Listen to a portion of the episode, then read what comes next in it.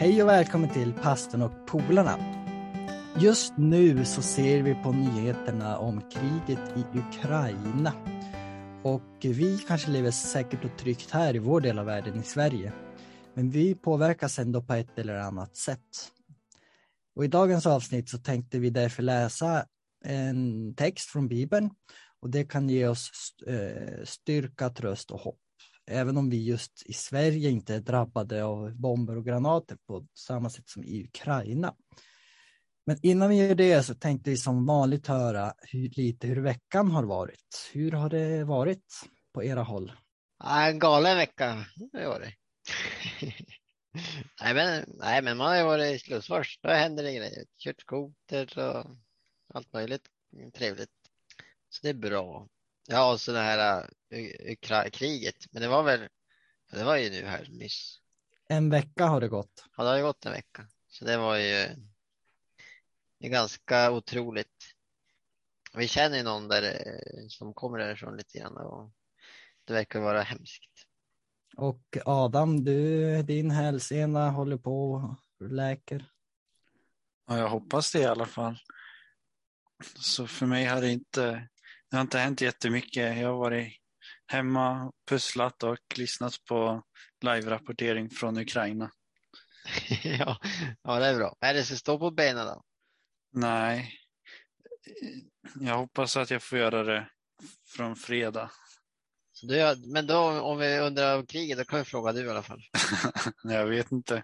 Det är mycket som eh, man eh, förtränger. Och mycket som upprepas i de här rapporteringarna. Ja. Och jag har kört mycket bil i veckan och då har jag hört också, det kommer samma nyheter om det här. Det är bara det du pratar om nu. Ja, till och med, eller all typ av eh, nyheter känns det som är relaterat till Ukraina till och med sportens nyheter är olika ryssar som blir avstängda. Jag tänkte väl detsamma faktiskt.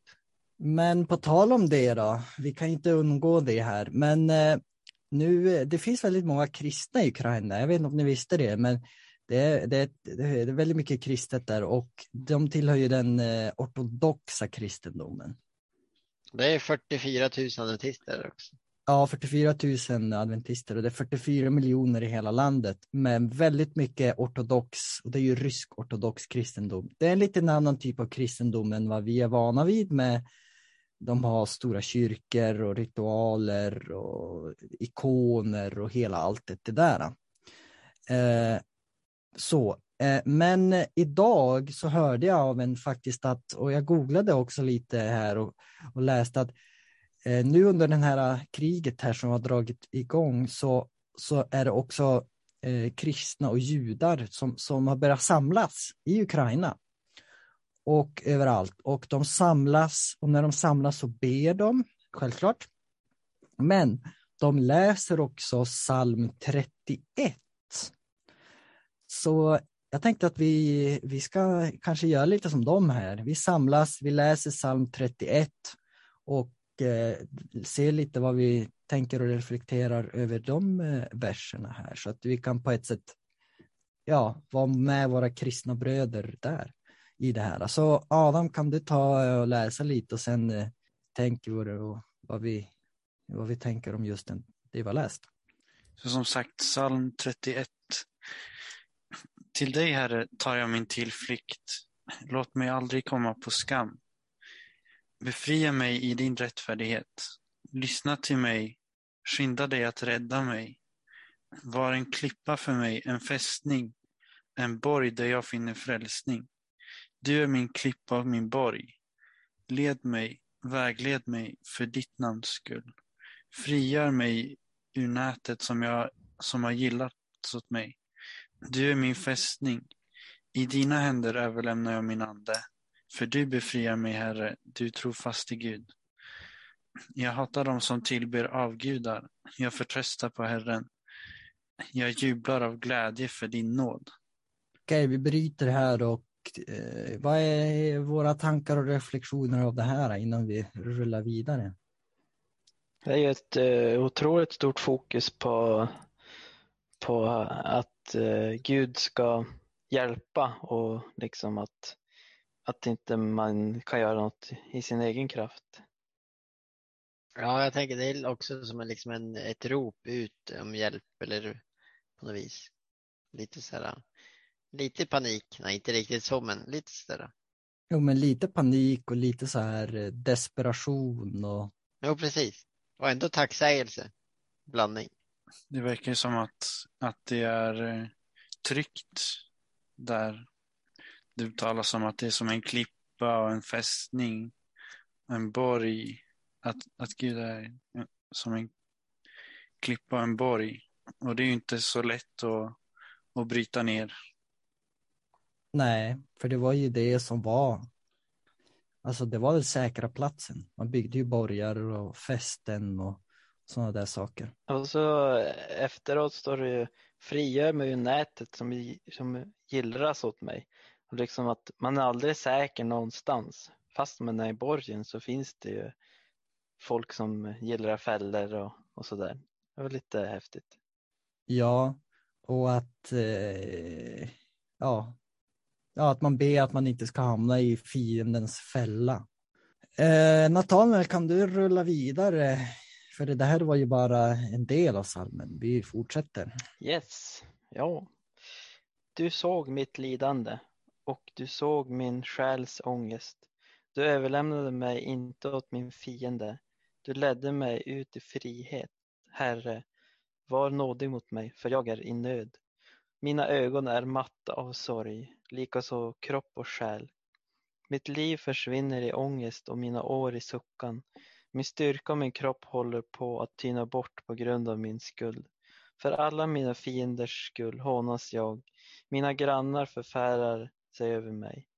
Och de som ser mig på gatan flyr från mig. Jag är lika bortglömd som en död. Jag har blivit som en krossad kruka. Jag hör många skvaller, skräck finns på alla håll. Det går samman mot mig för att röja mig ur vägen, men jag förtröstar på dig, Herre. Ja, det är intressant. Jag tänker det är liksom de som är i Ukraina nu, de kanske kan liksom relatera lite till det vi läser. Det tror jag verkligen. Jag tänkte på det med att eh, eh, det mot slutet, liksom, jag hör många skvaller och skräck finns på alla håll och de går samman mot mig för att röja mig ur vägen. Det är ju precis så, liksom, för det är mycket skvaller och, och falsk information och hit och dit och fram och tillbaka. Och, och mitt liv försvinner i ångest.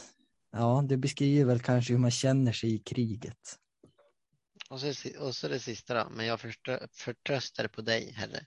Liksom hur, man, hur vi kan lita på, på Gud. Ja, fast det ser mörkt ut då. Ja, lite som ni också var inne på, men jag fastnade mycket för de första meningarna. Jag kan tänka mig att det är lite så det känns, att du såg mitt lidande och min själs ångest. Jag är i nöd och mina ögon är matta av sorg. Och sen att du överlämnade mig inte åt min fiende. Och du ledde mig ut i frihet. Alltså det är det som Gud tänker och vill och så. Det är väl det de hoppas på. Ja, verkligen. Ska vi rulla vidare här då? Noel, nu får du läsa något stycke. Eh, Då står det, jag säger, du är min Gud. Mina tider ligger i dina händer. Rädda mig ur mina fienders hand, från dem som förföljer mig. Låt ditt ansikte lysa över din tjänare. Rädda mig i din nåd, Herre. Låt mig inte komma på skam när jag ropar till dig. Låt istället de gudlösa få skämmas och lägga sig eh, stilla i dödsriket, där deras lögnaktiga läppar till sist har tystnat. Dessa fräcka som har högmod och för, föraktfullt talar mot de rättfärdiga. Jag tänkte, mina tider ligger i dina händer. Rädda mig ur mina fienders hand. Ja, det är en fin bön, speciellt i den här tiden. Jag tänkte på här, låt mig inte komma på skam när jag ropar till dig. Alltså att vi inte ska skämmas över att eh, tro eller ha eh, ropa på hjälp eh, till Gud. Då. Ja, Ska jag ta den sista delen här då? Stor är din godhet som du har sparat åt dem som fruktar dig och som du inför alla ger dem som tar sin tillflykt till dig. Du gömmer dem hos dig, skyddade mot människors sammansvärjning. Du förvarar dem i din hydda i trygghet mot elaka tungor. Välsignad vare Herren, för han visade mig sin underbara nåd i en belägrad stad. Förskräckt tänkte jag, jag är bortstött från dig. Men du hörde mina böner när jag ropade till dig om hjälp. Älska Herren, alla hans fromma. Herren bevarar de trogna, men de som handlar i övermod straffar han strängt. Var starka, fatta mod, alla ni som hoppas på Herren.